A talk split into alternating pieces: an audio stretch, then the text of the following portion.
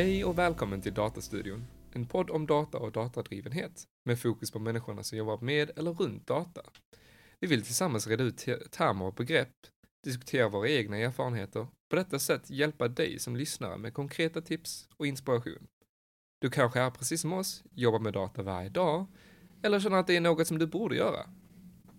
Vi som sitter här idag är jag, Jonny, och så har vi en ny, Hugo. Hugo, det är jag! Kul att vara här.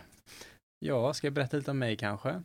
Ja, gärna. Ja, Hugo jobbar eh, lite likt det du gör Jonny till vardags med, med data, hör och häpna. Eh, data engineer i mångt och mycket, men har väl nischat in mig på ett buzzord som, som heter data ops, data operations. Att eh, få ut värde ur data på ett så snabbt och effektivt sätt som möjligt med hjälp av tekniska verktyg, organisatoriska tillvägagångssätt eh, och så vidare. Men jag kommer absolut från den tekniska sidan, till skillnad från Benny, som ni har kanske har mött i den tidigare avsnitten. Eh, Erik och Jonny och jag, vi har väl alla lite mer liknande bakgrund, kan man väl säga. Ja, precis.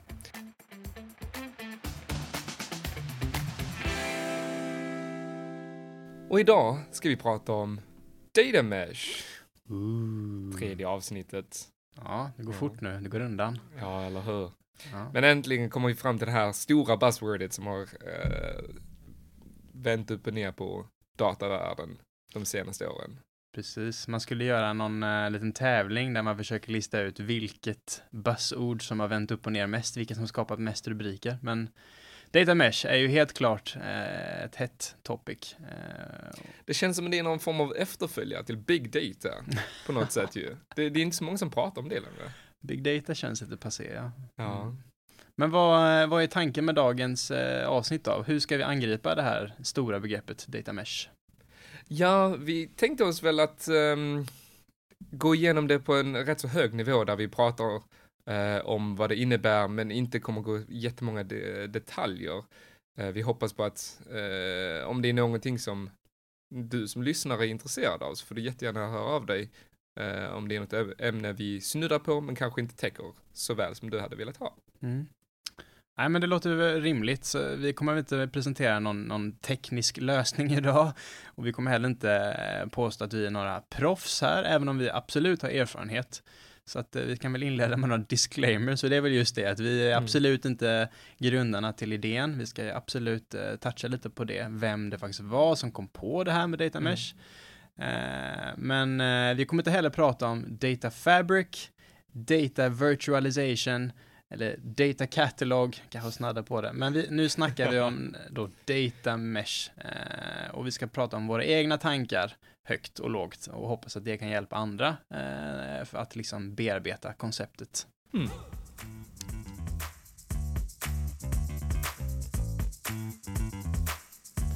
Alright. Vi kör igång. Oh yeah. Ehm, vi kan väl börja med vi kan väl börja med vart eh, det faktiskt kom ifrån och data mesh-konceptet. Och det är ju från eh, skaparen själv, eh, Zamak Degani, Zamak Degani. Får jobba på uttalet. Eh, hon har då, hon släppte två bloggpost. Den första var 2019. Eh, den andra kom året därpå. Där hon beskrev konceptet data mesh eh, efter att ha också presenterat det hon ansåg var problemet med den befintliga och inom citat moderna dataplattformen som fanns idag.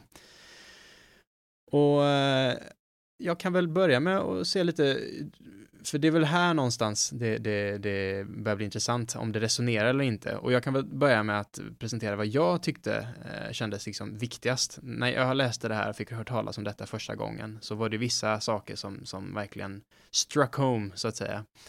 Och, och för mig handlade det väl mycket om att hon beskrev den, den moderna dataplattformen som en, en eh, centraliserad, monolitisk och domänagnostisk eh, dataplattform. Det vill säga en plattform som i mångt och mycket låter och ser ut som en data lake.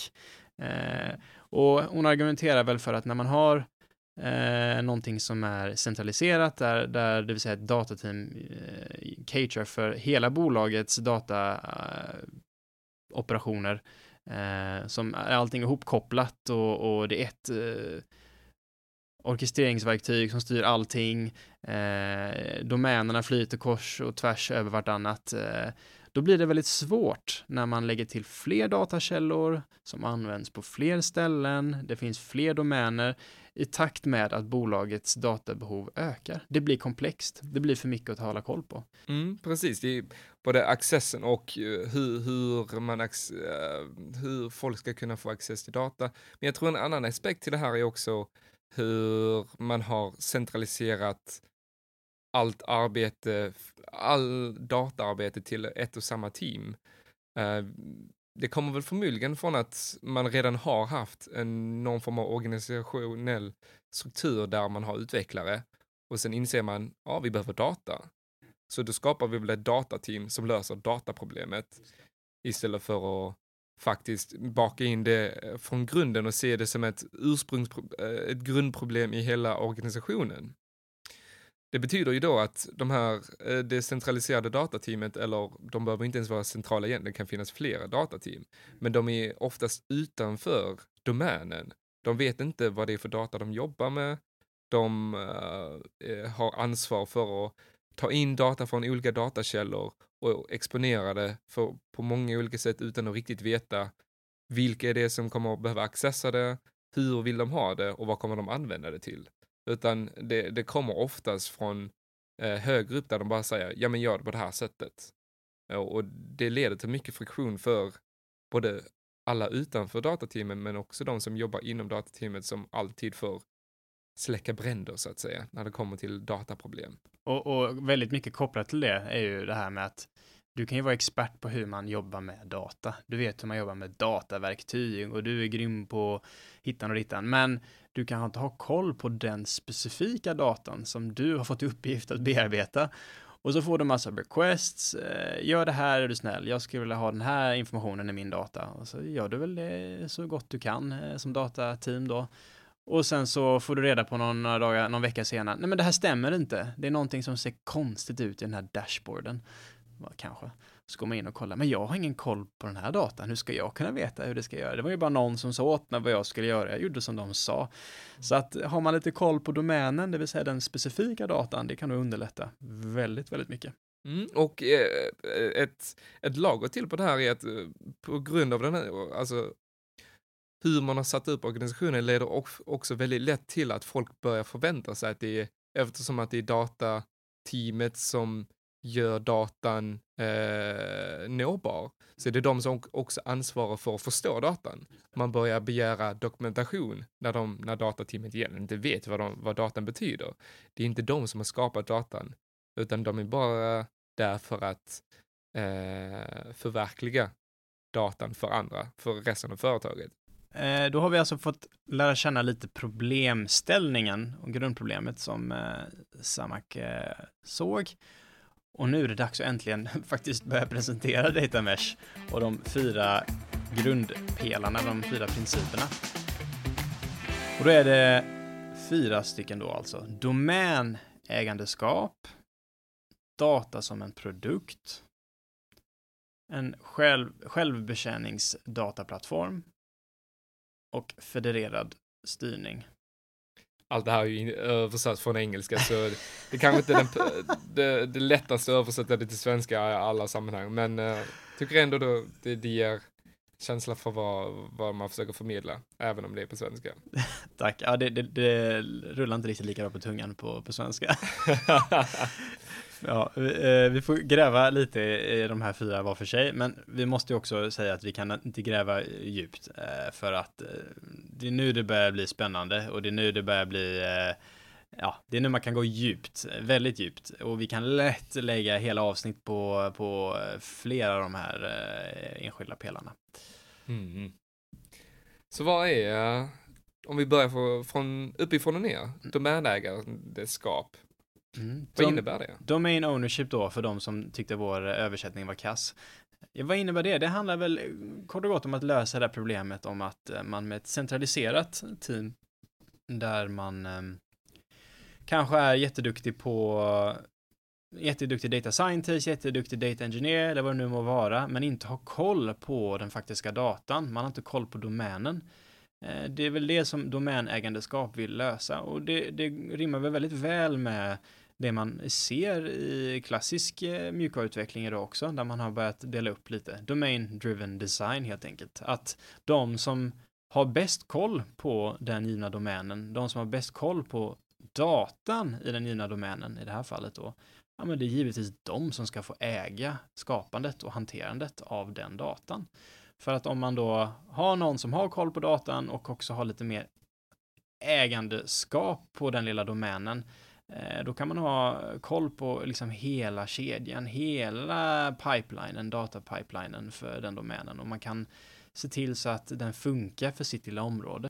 Det ger också möjligheten för teamen att eh, genomföra förändringar i datan i hela stacken så att det inte bara är den operationella datan som ändras men också den analytiska datan. Vem har inte varit med om tillfällen där eh, en eh, source database um, ändrar sin datamodell och så kraschar alla andra data pipelines som är beroende av det här för att de som förändrar den operationella datan är frånkopplade från de som drar ut datan. Och nu, nu kliver du in på en aspekt som inte vi har nämnt innan heller, vilket är väldigt spännande och väldigt viktigt. Eh, och du börjar snacka om det här operationella versus det analytiska. Och det är ändå någonting som eh, Zamak är rätt tydlig med att data mesh eh, är ju egentligen eh, fokuserat just på det analytiska. För hon argumenterar för att operationellt, det vill säga det som får en hemsida att snurra, det som får din IT-tjänst eller vad det nu kan vara att faktiskt gå runt, backen, backend, kommunicera med frontend, etc. etc. Att det funkar ändå rätt bra idag. Där har man börjat jobba med microservices, man har delat upp det i domäner och, och varje domän ansvarar för sina saker och så vidare och så vidare. Eh, man jobbar med API som eh, kommunicerar med varandra. Men inom datavärlden, där är det inte riktigt så. Så du, du tog ju klevet nu direkt in och bara, ja men domänen ska ha koll både på sin operationella data och eh, analysdata. Och det är ju drömmålet, det är ju drömscenariot. Det är dit vi vill. För då har ju de koll på allt. De har koll på sin eh, databas, de har koll på sin frontend, de har koll på jada, jada, jada och sin data. Och det är även de som då definierar vad de olika koncepten betyder när man modellerar det som data. Vad är en kund? Ja, låt eh, produktteamet då, utvecklarteamet, avgöra vad en kund är istället för att vänta på att datateamet ska definiera det centralt för alla andra team. Sen kan man ju säkert prata om hur man eh, standardiserar det här. Det är en av de andra pelarna som vi kommer att komma till. Mm. Men så spännande och jag hade kunnat, jag hade lätt velat lägga ett helt avsnitt bara prata om de här domändriven eh, design för att eh, det, är, det är ju väldigt, väldigt kopplat. Det känns som att det här är lite kärnan i det. Har man inte det här så kan man nog inte göra något uh, av data mesh alls. Mm. Um, Liten spoil på kanske en, uh, en på det här avsnittet, men det känns som att uh, det är viktigt att etablera domänerna för att kunna ens börja med data mesh. Jag håller verkligen med. Mm. Men låt oss gå till nästa princip. Data yeah. as a product. Vad betyder, så vad det betyder är väl att man ska eh, behandla data precis som man behandlar en produkt. Man ska ha en produktägare som ser till att eh, alltid leverera, att uh, förbättra datan och eh, erbjuda det som en, en tjänst för andra teams, antingen internt men också externt potentiellt beroende på hur ens produkt ser ut. Verkligen. Och eh, jag skulle vilja omformulera lite och, och, säga att det viktiga, eller vad, vad, är det som skiljer att jobba med data som en produkt gentemot att jobba med data som vanligt? Du kan ju ha en ägare, eh, båda scenarierna liksom. Men jag skulle säga att det viktiga distinktionen är att när man har produkttänket, då har du också en en användare i fokus. Du har eh, liksom en konsument i fokus och att du vill göra din produkt så värdefull och användningsbar, använd, användarvänlig. användarvänlig som möjligt. Så att jag tänker skillnaden är att när du, när du, tänk, när du har produkttänket då kommer du alltid göra ditt yttersta för att levereras så mycket värde så snabbt och, och kontinuerligt och så vidare som möjligt. Och ha då alltså användaren i centrum av det hela. Det är väldigt bra poäng. Mm. Um, annars är det ju väldigt vanligt när man har data, man bara exponerar det som den är. att man inte egentligen gör någon modellering, man, man uh, pratar inte om vad koncepten är, utan det är den här datan vi har. Mm. Take it if you want it. Ja, eh, och, och tänk då att man, man har gjort jättesmarta grejer. Man har, har gjort jättesmarta maskinlärningssaker på sin, sin, eh, sin data, men den som sen ska använda datan fattar inte vad det betyder, förstår inte hur man har gjort. Det kanske inte är tillräckligt bra dokumenterat. Det kanske är så att jag som användare behöver komma åt den här datan via eh, ett API, för det är det enda logiska sättet. Men du säger att jag måste eh, port forwarda och koppla in via någon jävla SSH-tunnel eller någonting. Det, det, det, går ju inte. Du, du, måste ju göra det så eh, liksom accessible som möjligt, lättåtkomligt. Mm. Det är också en viktig aspekt. Helt klart. Mm. Uh, och för att gå vidare till nästa pelare då. Ja, det är ju den här då Self-Serve Data Platform, eller som vi så fint har översatt till en eh, självbetjäningsdataplattform. Eh, och där är väl tanken att eh, man har eh, en plattform där du, liksom som konsument, som en, eh, del av en domän, ska man säga då, som utvecklar egna dataprodukter, ska kunna gå till en slags eh, ja, vad ska man kalla det, en liten shop eh, och plocka ut de komponenterna som du vill, eh, som du behöver eh, ur en, eh, den här självbetjäningsdataplattformen för att kunna skapa din dataprodukt. Istället för att du ska behöva bygga upp ett eh, eh, kinesisflöde från egen stans, äh, egen, äh, ja, på eget sätt, eller sätta upp en Kafka kluster. kluster eller vad det nu kan vara. Det är jättegött om, om, om du bara kan trycka på några knappar och sen så får du en, en stream som du kan arbeta med, så slipper du lägga massa krut på det, utan du kan bara fokusera på att skapa värde med data. Och det, det, det gör det väldigt intressant, för det man har ju istället för att låta det centrala teamet ta hand om datan så är det att man låter centrala teamet ta hand om verktygen och tjänsterna som eh, tillåter domänteamen att kunna exponera sin data på bästa sätt. Mm. Låt då det centrala teamet som är bra på hur man flyttar data utan att behöva veta exakt vad det är för data som flyttas. Um, de kan då specialisera sig då och det betyder att till exempel i rollen av en data engineer, man antingen går in i domänteamen och blir den som transformerar, eh, transformerar datan och ser till så att den exponeras på ett bra sätt, medans andra data engineers kan då specialisera sig på att erbjuda verktyg för att göra det så enkelt som möjligt att exponera data, mm. modellera data och vad nu mer man vill göra med datan. Just det. Och sen finns det en annan aspekt, för nu snackar du om en, en, ett centralt datateam som vi i början av avsnittet hävdade inte är bra då, men distinktionen är att de här nu då handlar, tar hand mer om, om verktygen och inte så mycket datan per se.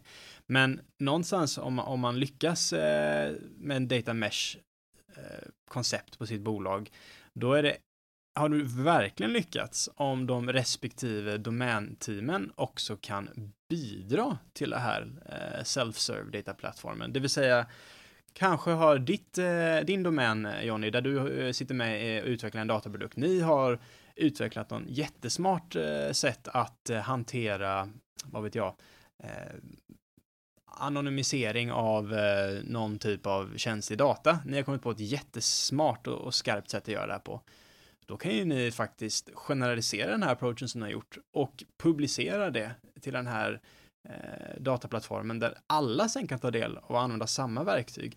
Alltså det jag försöker komma till är att istället för att det är ett team som tillhandahåller verktygen, att alla kan liksom lite open source-mässigt eh, bidra till att eh, ja, samla bra och vettiga verktyg som man vill använda inom det här företaget till exempel. Mm. Ja, det är det är ju verkligen flera steg eh, fram eh, jämfört med vad många andra är i just nu.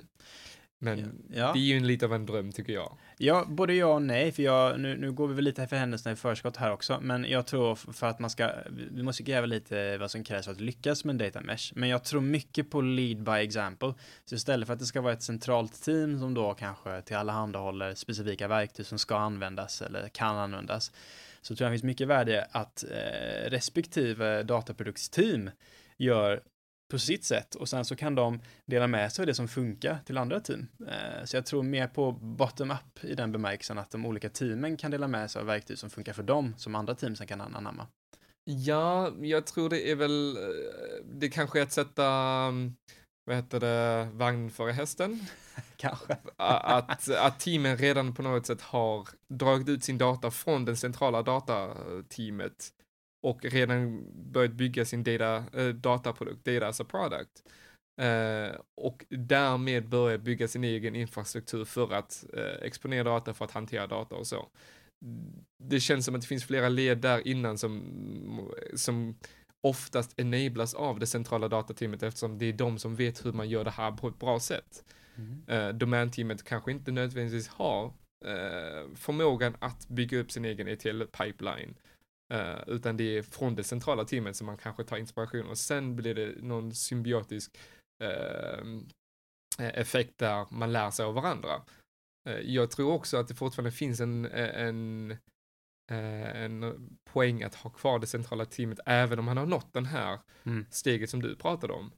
Eh, där man istället kanske låter, när någonting har blivit så generiskt och så allmänt använt i, i resten av organisationen så är det ju kanske det centrala teamet som kan ta ansvaret för det. Mm. Medan domänteamet då kan fokusera då på sin domän. Mm. Ja, vi får gräva lite mer i det sen. Men Det jag, finns mycket jag att prata om har, har, har fler åsikter. Eh, och det är väl någonting vi är duktiga på, Jonny. Vi, har, vi är duktiga på åsikter. det är lätt att ha åsikter. Eh, sista punkten får vi inte glömma här nu. Nu har vi alltså nämnt tre hittills. Eh, Mm. Domänägandeskap, data som en produkt och sen då självbetjäningsdataplattform. Och den sista är då du, du, du. Nej, federerad styrning. Ja, förlåt. Jag kan inte låta bli att tänka på Star Wars när jag hör federated. Jag vet inte, men eh, ja. Ja, det, är, det är ett ovanligt ord skulle jag väl ändå kunna säga. Så det, eh, men eh, så det är ju lätt att så anledningen till att den här principen finns är att när man väl släpper lös allting och decentraliserar allting så är det en stor risk att alla kommer på sina egna definitioner, alla kommer återuppfinner hjulet om och om igen, varje team gör samma sak. Och därmed, där kanske man vill, eller där måste man då ha eh, någon form av styrning eh, som gör att vi ändå alignar, vi, eh, heter align på svenska? ja, men det är linar att vi, vi eh, sy- samsynkade, synkade. Ja, vi synkade på hur data ska exponeras, vad är Mm. det som räknas som kä- känslig data Mm. eh, och hur exponerar vi känslig data, vilka ska ha access till vilka roller och, och vilken data. Där behöver man nog ändå någon form av centralisering. Precis. Och så som eh, Shamak eh, resonerar så behöver man, eh, så är det lättaste sättet då att eh, införa någon form av ja, federation Mm. där eh, representanter för varje domänteam Mm. eller från, ja, beroende på hur man vill sätta upp organisationen, men domänteam är ett exempel då, är med för att diskutera de här centrala frågorna. Och ta då beslut eh, som, som då alla andra team eh, måste följa helt enkelt. Ja, precis. Sätt upp eh, policies för Mm. eh, till exempel interoper interoperability. Eh, interoperabilitet. Mm. Eh, för att ha någon standard så att inte alla exponerar sin data på olika sätt utan man Mm. vill ju gärna att det ska finnas ett enkelt sätt, ett, ett standardiserat sätt att nå och hitta data. Precis. Och eh, av egen erfarenhet så som det, de eh, uppdrag där jag har suttit med där man har försökt eh, implementera detta så eh, har jag märkt att i takt med att ett bolag blir stort eh, och att man, man eh, jobbar med olika domäner och dylikt så är en sån på pappret enkel sak som definition och av businesskoncept och dylikt Som jag nämnde tidigare med kund. Exakt, det är så otroligt svårt och så otroligt viktigt för alla har om man bara nämner det snabbt, vad är en kund? Ja, absolut, du och jag kan hålla med varandra. Men när vi väl börjar gräva lite i så här tekniska situationer eller vad är en session? En sån klassisk grej. Vad är en Mm. session för något? Eh, när slutar en session? Och vad händer om man lämnar det från sidan i fem minuter och kommer tillbaka dit eh, fem minuter senare? Är det fortfarande samma session eller session? Alltså, de här nyanserna, där måste man vara stenhård för att där kan du påverka jättemycket om, om olika team, olika dataprodukter eh, har olika definitioner och olika nyanser eh, på olika sätt. Det kan göra jättestort problem, eh, kan jag tycka. Särskilt när det kommer till om man skulle börja använda den här analytiska datan till finansiell rapportering och så, Just så det är det. otroligt viktigt att det här är konsekvent Mm. så att man inte ändrar definition allt eftersom och Mm. att man mäter varje team utifrån en gemensam skala. Mm. Men som sagt, eh, nu gick vi inte på djupet. Eh, Vi har knappt eh, skrapat på ytan, men vi får nog hålla där. Är det någon av de här fyra som låter mer spännande, peta gärna på någon av oss i den här podden så gräver vi gärna ner i dem. Jag känner redan att några som jag är mer taggad på, men jag vill inte spoila. men det finns mycket att hämta här. Ja, det, det märks nog att vi gärna hade pra- velat prata mer om det här. Så det är bara att säga till.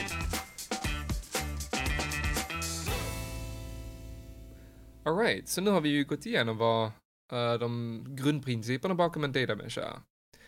Men frågan är då bara, var börjar man ens? det, det är väldigt många grejer att göra, väldigt, det är väldigt eh, stor organisationell förändring om man ska implementera allting på en och samma gång. Ja, och eh, kanske en ännu viktigare fråga är är det här ens för mig eller för mitt bolag? Är, är, liksom, är jag rätt eh, person för det här? Är det rätt bolag för detta? Då kanske min motfråga till dig är, vem ska ha en data mesh? Jag tror istället för att prata om data mesh som, som om man ska ha det som en produkt så är det väl, handlar det mer om tänket bakom Mm. det och hur man org, ehm, sätter upp sin organisation. Helt rätt. Ehm, jag tror man kan lära sig och implementera delar av alla de här fyra principerna. Mm. Det finns en poäng i alla dem tror jag. Mm. Uh, domänegenskap, jag är en stark förkämpe för att man ska eh, dela upp oavsett om det är data eller om det är produkt i Mm. domäner Mm. där domänerna då får ansvara för eh, definitioner, hur produkten ska fungera och så vidare. Samma sak med data as product. Jag tror oavsett vad det är för organisation så kan, finns det en, en poäng att tänka på data som en produkt. Mm. Ehm, Verkligen, och, och även att det här att med, med domänuppdelningen, att man också jobbar med lite mer cross-functional teams, att eh, det är inte ett centraliserat datateam som sitter helt isolerat och bara håller på med sina datagrejer och aldrig får någon extern input från eh, verkligheten, höll jag på att säga. Ja, vi sitter i våra Förutom att folk klagar på att ingenting funkar. Exakt, det är den enda inputen de får. Nej, utan att man, att designen får interagera med eh, datapersonen så att när man tar ett beslut om hur hemsidan ska se ut, då kan man redan där diskutera vilka kanske eh, events man ska skapa för att Vad är det för kunna... mätpunkter för att vi ska kunna Precis. avgöra hur det väl har gått? Men jag vill ändå flyga in också att jag tror absolut inte data mesh eh, liksom som koncept kanske är det man ska fokusera på i första hand för ett litet startup eller något litet bolag eller något väldigt dataomoget bolag eller framförallt ett eh, mjukvaru eller IT-omoget bolag. Då är man inte heller rätt eh, alltså bolag. Jag tror man behöver ha någon typ av teknisk mognad där man förstår sig på konceptet med microservices kanske och förstår hur man kan dela upp sin organisation i olika domäner och sånt där. Eh, och jag tror kanske att man ska kunna ha några domäner och vara tydlig med den separationen innan man ens börjar tänka tanken att, att eh, jobba mot, eh, mot en data mesh. Mm. Men precis som du säger, det betyder inte att man inte kan börja tänka på att ha data som en produkt eller kanske tänka lite mer eh, värde för slutanvändaren och sånt där. Det tror jag Ja. man kommer långt på. Men federerad styrning eller federated governance kanske inte är det som kommer högst upp på listan. Eh, om jag ska börja med någonting någonstans eh, spontant. Ja, precis. Och eh, det är väl självbetjäningsdataplattformen är också kanske en sån här grej som kommer när man väl börjar bli större. Ja, Eh, men det är, det, det är väl alltid användbart att, eh, att bygga med växandet i, i, i åtanke. precis. Um, en annan grej för, för alltså att tänka på för att se eh, behovet av att tänka data mesh-tankarna Mm. är väl också att man inte bara tekniska eh, mognaden men också den organisationella för det, det kommer att krävas mycket eh, vana vid att jobba med data eller vana Mm. kanske inte är det rätta ordet här men det krävs mycket pli för att eh, implementera det här eller för att eh, att hålla uppe de här, för det, det handlar också om processer och om ingen följer processerna efter ett tag. Dokumentationen ska finnas för en dataprodukt, det ska finnas en, den federerade gruppen ska också träffas och faktiskt diskutera de här grejerna. Det måste ske kontinuerligt och det kommer, det kommer alltid finnas möjligheter att förbättra. Mm. Om inte de här processerna följs, uppföljs Mm. så blir det lätt att den här decentraliseringen leder till kaos. Verkligen. Och då kan vi knyta tillbaka till det vi nämnde lite innan, och det var ju det här med att eh, eh, Eh, bottom-up gentemot eh, top-down. Alltså, det finns ju en fördel med, med federated governance, med federerad styrning, att man har några som säger hur alla ska vilka, vilka policies man ska följa för att man ska kunna samarbeta och att man ska följa lag och dylikt. Men jag tror det är jätteviktigt att det också kommer lite organiskt från de olika teamen, eh, olika dataprodukterna från de olika domänerna. Det måste få liksom eh, var lite open source i den bemärkelsen att liksom att eh, det, här kommer man på något smart i den här domänen, den här dataprodukten och så måste det liksom eh, kunna spilla över i de andra. Sen så visst, konceptet med federerad styrningen, att man har en representant från varje domän, så förhoppningsvis så ska det väl ändå, mm, ja, trickla through, men ja. Ja, ja och hela poängen med det, alltså det, det är ju rätt så nice ifall man kan engagera hela företaget i de här eh, koncepten och de, prata om hur eh, policy ska vara kring eh, känslig data och så vidare. Mm. Men när man väl kommer till en viss storlek så är det förmodligen anledningen till att det är federerad, att man har representanter i ju för att inte alla kan engagera sig i det här. Just det. Och sen en liten brasklapp här nu då. När ska man inte jobba med data mesh då? Och det är väl då om man är väldigt, väldigt litet bolag, men även någonting som vi inte har nämnt, vilket jag tycker är lite intressant. Och det är det här med om man har väldigt eh, eh höga krav på låg eh, latency. Jag vet inte om jag håller med där alltså. Det, det, där är det helt och hållet beroende på hur man implementerar sin data mesh och hur man exponerar datan. Jag tror man skulle ha, alltså i min mening så kommer man ju inte bara exponera datan på ett sätt när man exponerar datan, utan det, det kan finnas att man har så att säga, eh, den här analytiska datan är till för analysbehov, då Mm. har vi de här SLAs, medan om du ska använda den som en operationell grej, då har vi andra sätt av SLAs. Eh, och där, är det, där tror jag det handlar mer om kommunikation. Och Ja. SLA är då Service Level Agreement för de som undrar. Ja, Mm. precis. Eh, För att eh, förhandla om hur, hur ofta ska datan uppdateras, när får den ligga nere, hur ofta kommer den Mm. ligga ner och så vidare. Vilken, vilka garantier ger Mm. man för datan? Och det håller vi egentligen med, är på en sån teoretisk nivå. Men sen så om man ska vara väldigt eh, hård så enligt Samax så ska, vara det här, ska det här vara liksom ur analytiskt perspektiv enbart och eh, hon, jag tror till och med hon specifikt nämner att eh, eh, liksom streaming faller inte nödvändigtvis inom ramen av detta. Då börjar man krypa närmare op operationellt också liksom. Och då börjar man säga, var går gränsen mellan operationellt och analys? Alltså, Mm. det jag försöker säga är väl att data mesh-konceptet kanske, inte per definition, men den lutar lite mer mot batch eh, som liksom grundkoncept. Alltså att man, man tar en, vad ska man säga, hur sammanfattar man batch? En eh, klump med data eh, i grupp i efterhand istället för att man eh, behandlar datan i realtid. Men visst, det kan också bara vara min tolkning, men eh, Jag tror det är en implementationsdetalj. säkerligen.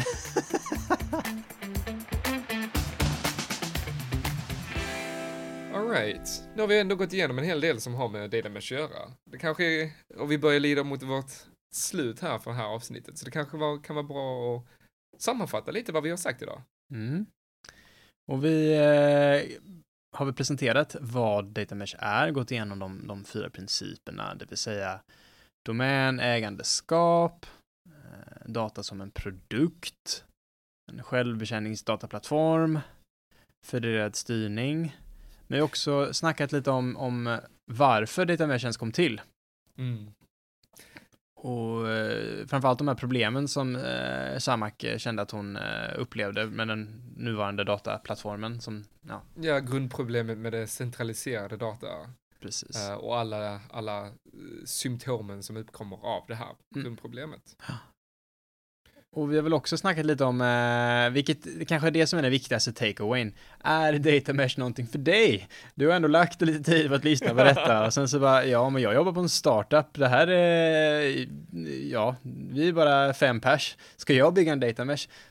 Kanske inte. Men det du ska ta med dig oavsett och vilket alla kan ta med sig är ju att några av de här principerna är nog sjukt vettiga oavsett eh, liksom. Och då tänker jag väl, att det lät som att vi ändå var överens och det är framförallt att de här två första, det vill säga domän, ägandeskap och att data som en produkt. Att ha det tänket med sig Eh, det kan man komma långt på. Och det kommer säkert göra det så mycket lättare i framtiden när man redan har det här tänket Mm. när man växer som företag. Eh, det är, vi har ju sett hur svårt det är att försöka implementera det här efteråt bland företag. Ja. Men sen och eh, motargumentet mot det dock är också, man ska inte catera för någonting som, som man inte eh, har, eh, eller för framtida behov. Det, det är en recipe for disaster också, så att det, det är nog en utopi att, eh, att man ska kunna göra om, göra rätt, eh, allting från början liksom. Det, det är nog mer realistiskt att man, man lägger på successivt. Nu har vi gjort detta, nu är det dags en data mesh. Men önskvärt är ju, önskvärt är att göra allting på samma gång så att man kan göra, eh, ja, Ja, nej men det, det- ja, det, det jag menade var att de här två första principerna kan man redan från början ha i, om man ska vara lite eh, kliché, i DNAet Just det, i hur man jobbar. just det. Och det tror jag kommer ge värde Mm. långt, eh, långt framöver också. Vi eh, lägger lite länkar i beskrivningen på eh, lite bra material, givetvis till de två OG-bloggposterna, eh, även till datameshlearning.com som är liksom ja, delvis också sponsrat av eh, själv. Så att där finns det massa bra material där man har samlat Eh, ja, det finns poddar och videos och eh, också en länk till en Slack-community som är gigantisk där många pratar regelbundet om eh, vad som funkar och inte funkar och där man har, mm, ställer frågor och dylikt. Även till en annan bra hemsida, datamesharchitecture.com där Jochen Krist och Simon Herrer har eh, försökt sammanställa en liten sammanfattning ur ett lite mer eh, tekniskt perspektiv, eh, vilket kan vara skönt för sådana som, som kanske du och jag Jonny som tycker om att konkretisera det med några tekniska lösningar emellanåt. Men bör tilläggas, Datamesh är inte en teknisk lösning, det är ett mer organisatoriskt koncept, men ändå. Men det är ju väldigt användbart att ha någonting mer konkret att hänga grejerna på när man pratar om till exempel exponera data genom API. Vad betyder det? Då är den här Data Mesh Architecture en riktigt nice hemsida tycker jag. Verkligen. Ja, stort tack Jonny, kul att sitta här med dig idag. Tack detsamma Hugo och tack för det, till dig som har lyssnat på vårt avsnitt. Ehm, som sagt, är det någonting du eh, undrar över eller tycker att vi har missat så är det bara att höra av dig till hejatdatadao.se. Tack för idag!